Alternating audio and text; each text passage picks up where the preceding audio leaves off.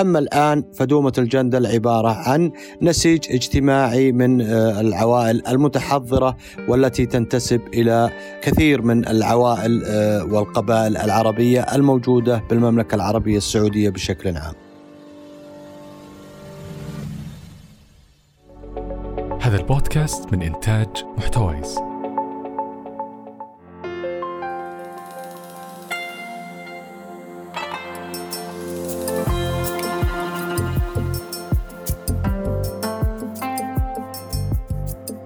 أهلا وسهلا. أنا منى الطريف وهذا ظرف مكان. هنا بنتكلم عن الأماكن اللي زرناها والأحداث اللي مرينا فيها والقصص اللي نحلم بيوم من الأيام إننا نرويها. هذا الموسم من ظرف مكان هو تحية إجلال وتقدير للأجداد اللي بنوا بيوتهم بأيديهم وعاشوا فيها حياتهم البسيطة وللأجيال اللي حافظوا عليها وبقت شاهد على تراثنا الجميل. إلى القرى التراثية بتكون رحلاتنا.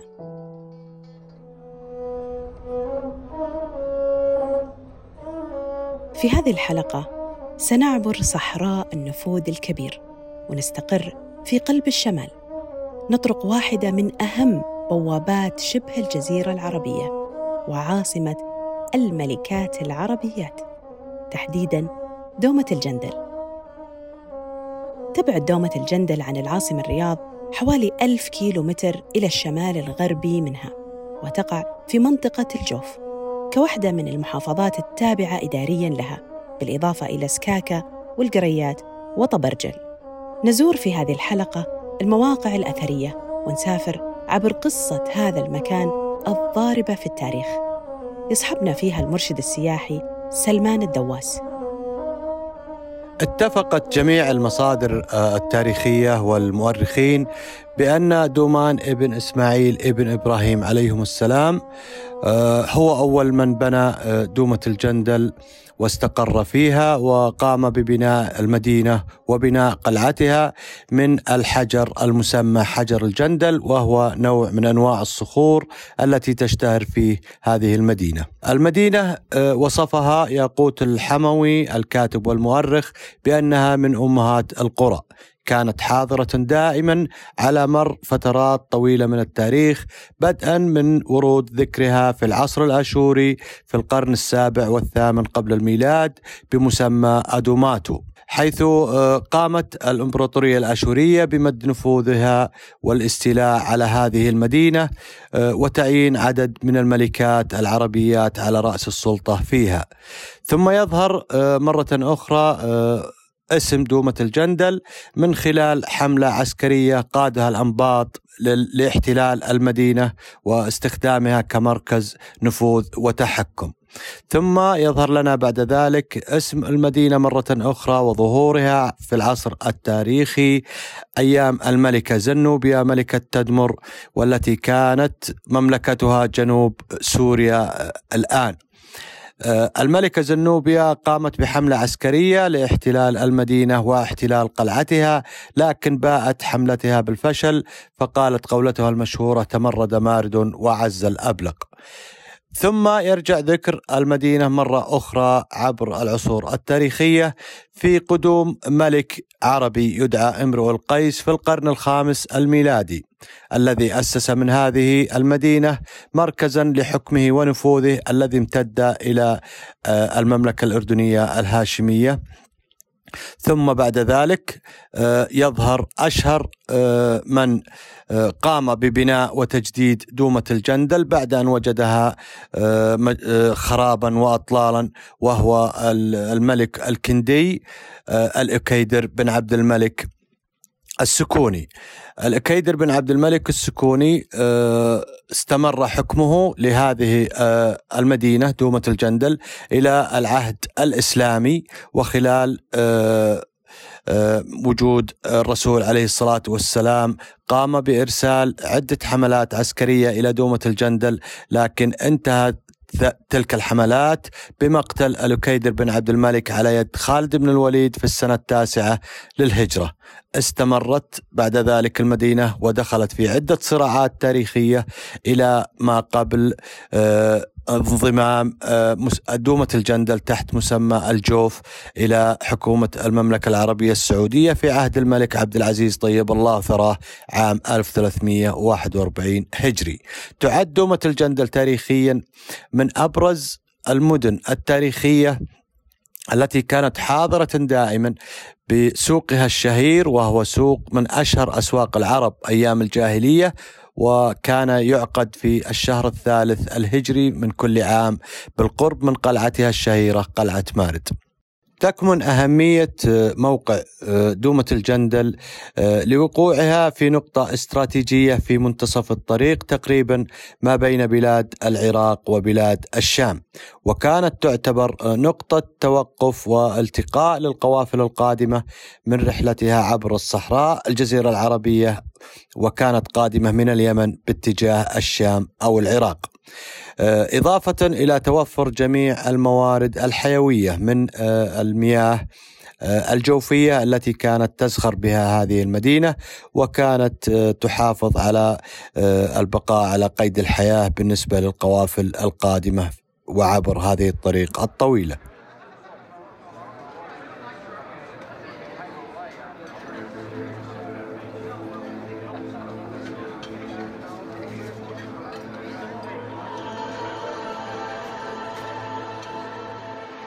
على مر الزمن تمتعت دومة الجندل بموقع استراتيجي وبالنظر للخريطة نجد أن دومة الجندل تتوسط الطريق بين الشام والعراق وهذا اللي خلاها بطبيعة الحال تكون نقطة لعبور القوافل التجارية وقوافل الحجاج وأيضاً الجيوش ولهذا السبب أصبحت مركز تجاري مهم فيها واحد من أقدم أسواق العرب يعرف باسمها.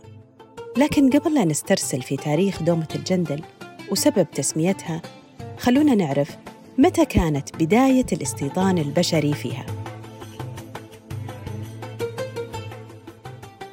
تعتبر آه، دومة الجندل من أقدم مواطن الاستيطان البشري بدءا بسكن واستقرار قبائل قيدار العربية في هذه المدينة امتدادا إلى بنو كنانة من بني كلب إضافة إلى آه، وجود بعض التسميات التي كانت خاصة في هذه المدينة منها جوف آل عمرو أو جوف السرحان وذلك نسبة إلى استقرار بعض العوائل آه، والبدو الرحل في هذه المدينة في فترة من فترات التاريخ. أما الآن فدومة الجندل عبارة عن نسيج اجتماعي من آه، العوائل المتحضرة والتي تنتسب إلى جميع كثير من العوائل القبائل آه، والقبائل العربية الموجودة بالمملكة العربية السعودية بشكل عام. حفظ لنا التاريخ مرجع مهم لحقبة زمنية مرت على شبه الجزيرة العربية وخصوصاً في دومة الجندل. الفنون المعمارية باختلاف أزمانها تعطي المدن إرث حضاري وأبعاد تقيس عمق ثقافة الإنسان. في عام 16 للهجرة مر عمر بن الخطاب رضي الله عنه بدومة الجندل خلال رحلته إلى بيت المقدس. وقتها أمر ببناء المسجد الشهير والمعروف اليوم بمسجد عمر بن الخطاب اللي يعتبر في قلب حي الدرع ويشكل محور المدينة. حي الدرع من الآثار النادرة المتبقية واللي تمثل المدن الإسلامية القديمة. يتكون هذا الحي من بيوت حجرية متلاصقة يفصل بينها بعض الممرات. وهذه الممرات مغطاة بأقواس تسمى العقود الدائرية. وللحي ثلاثة مداخل وفي وسط الحي يقع الميدان اللي تتفرع منه الأربع ممرات. شواهد الطراز الإسلامي في هذا الحي واضحة بكل تفاصيله إن كانت في الممرات أو بالأقواس أو بالمصاطب الحجرية المخصصة للجلوس وطبعاً بالمئذنة. هذه المئذنة يمتد ارتفاعها إلى 12 متر بنيت بالكامل من الأحجار. حجر على حجر.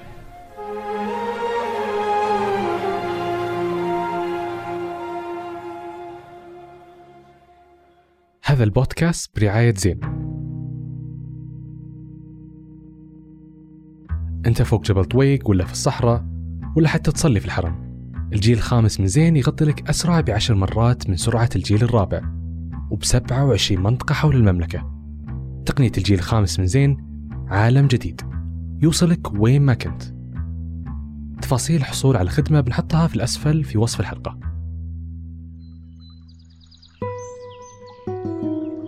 علاقة الإنسان بالطبيعة تخلق بينه وبينها روابط أحيانا ما يدرك إلى أي مدى هي عميقة ومتجذرة. واحدة من هذه الروابط الوجودية هي اللي بين الإنسان والنباتات. يعتقد أن الإنسان ما كان راح ينجو بحياته بدون النباتات. وعلى مر الزمن كانت مصدر غذاء مهم يقيه مصارع الجوع وظل يستجير به من حرارة الشمس وأنيس من وحشة الليل. النباتات باستخداماتها المتعددة حافظت على بقاء الإنسان وكل ما ينبت من الأرض له غاية واستعمال بعضها قدرنا نوصل له وبعضها ما نزال في رحلة استكشافه. من أشهر النباتات في منطقة الجوف طبعاً هي النخيل مثلها مثل مناطق كثيرة في شبه الجزيرة العربية.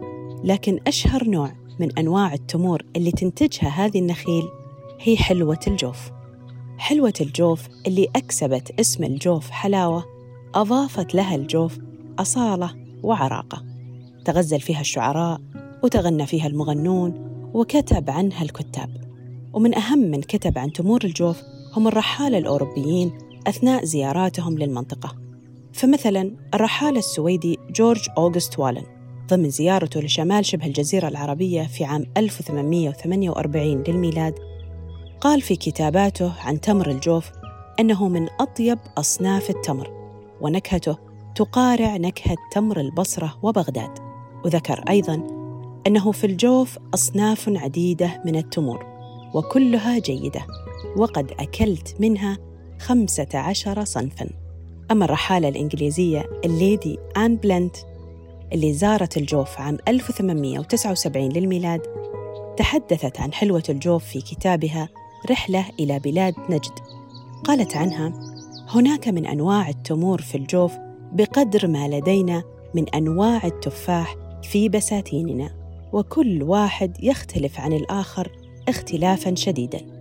حتى تقول ومن الخطأ الاعتقاد أن التمور الطازجة هي الأفضل بل بالعكس تزداد طراوة مع الوقت.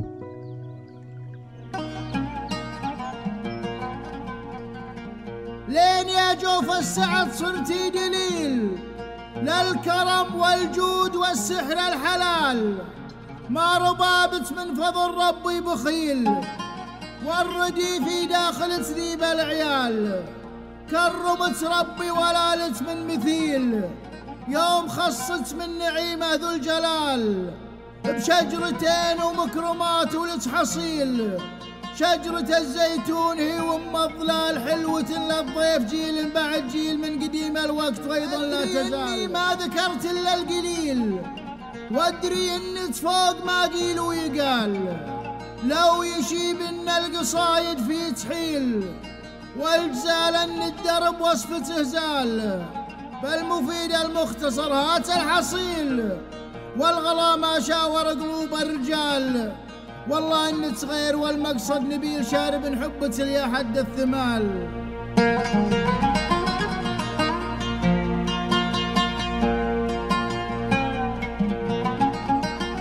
طيبة أرض الجوف لا تنتهي. يكفيها أن الشجرة المباركة تنبت فيها. يعتبر شجر الزيتون وزيت زيتون الجوف من أجود الأنواع على مستوى الشرق الأوسط. وشجرة الزيتون حالها مثل حال النخيل من الملامح المميزة في المنطقة اللي ما استطاع الرحالة تجاوزها. كتب عنها الرحالة ويليام بلغريف أثناء رحلته ومروره بمنطقة الجوف عام 1862 للميلاد. وأطلق عليها اسم الفردوس. لكن هناك شيء عجيب كتبه الرحالة لويس موسيل في عام 1901 ذكر أنه شاهد حجر في دومة الجندل كان عليه نقوش كتب عليها اسم الزيتون وهذا يدل على الرابط القوي بين إنسان الدومة وشجرتها المباركة. لا تنتهي النباتات المميزة في هذه الأرض الطيبة ومن أميزها بل أندرها هو نبات السمح. يحدثنا أكثر عنه. سلمان. الحديث عن الأكلات الشعبية في دومة الجندل ومنطقة الجوف بشكل عام يقودنا إلى الحديث بشكل خاص عن آه، نبات يحمل آه، طبيعة خاصة في آه، دومة الجندل يدعى نبات السمح وهو نبات بري يتم جمعه من قبل الأهالي بعد فصل الربيع من كل عام. ويمر بعدة مراحل وحتى يصل إلى آه، الشكل النهائي والذي يكون أقرب إلى آه، الدخن أو طحين البر. ويدخل هذا المكون في بعض الأكلات الشعبية الخاصة بدومة الجندل ومنطقة الجوف بشكل عام. يطلق على أشهر أكلة يتم إعدادها من هذا المنتج اسم البكيلة أو البتيلة باللهجة المحلية الدارجة آه، هنا في دومة الجندل ويمكن أيضا الاعتماد على هذا المنتج في إعداد أطباق أخرى آه، آه، يتم تناولها عادة في فصل الشتاء نظرا لما تحمله من عناصر غذائية هامة في صحة وحياة الإنسان.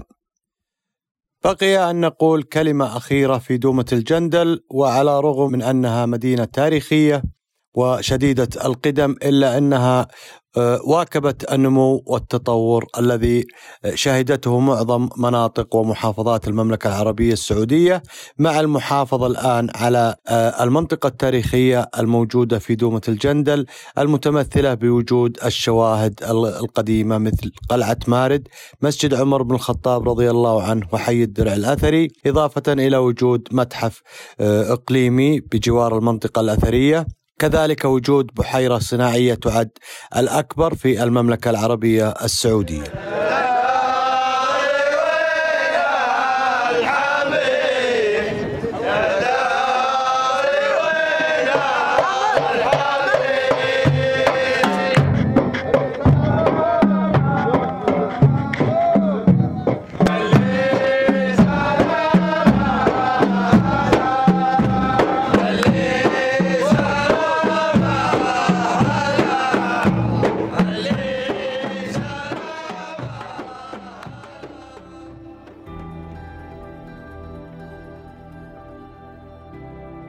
بكذا تنتهي رحلتنا في دومة الجندل وأيضا تنتهي رحلتنا في الموسم الثالث.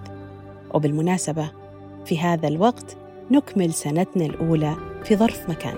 نتمنى أنكم استمتعتوا فيها معنا ونتمنى أيضا أننا نقلنا لكم ولو جزء بسيط من تراثنا المتنوع والجميل. الحقيقة أن حنا شخصياً كفريق ظرف مكان استمتعنا كثير وتعلمنا كثير. خلال رحلة البحث المثرية اللي قضيناها أثناء إعداد هذه الحلقات.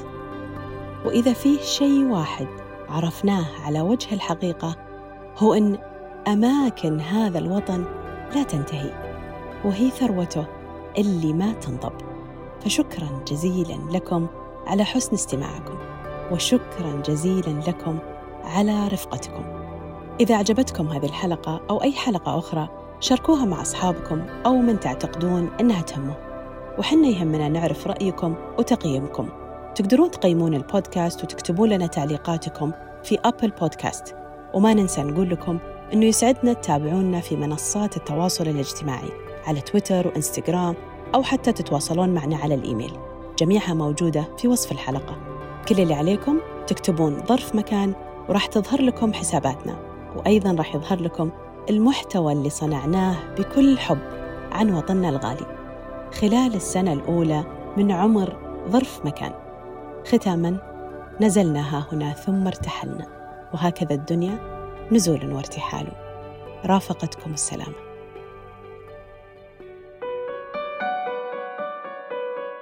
هل بيوم من الأيام راح نعيش واقع غير موجود؟ وليش الهامستر أصلا يدور على العجلة كل يوم؟ من وين تجينا الأفكار؟ وكيف ممكن تسوي حمية دون رياضة؟ حياتنا مليانة أسئلة وكل سؤال له إجابة. اسمعوني أنا خالد قنيعة في بودكاست فصول محتوايز أحد منتجات شبكة محتوايز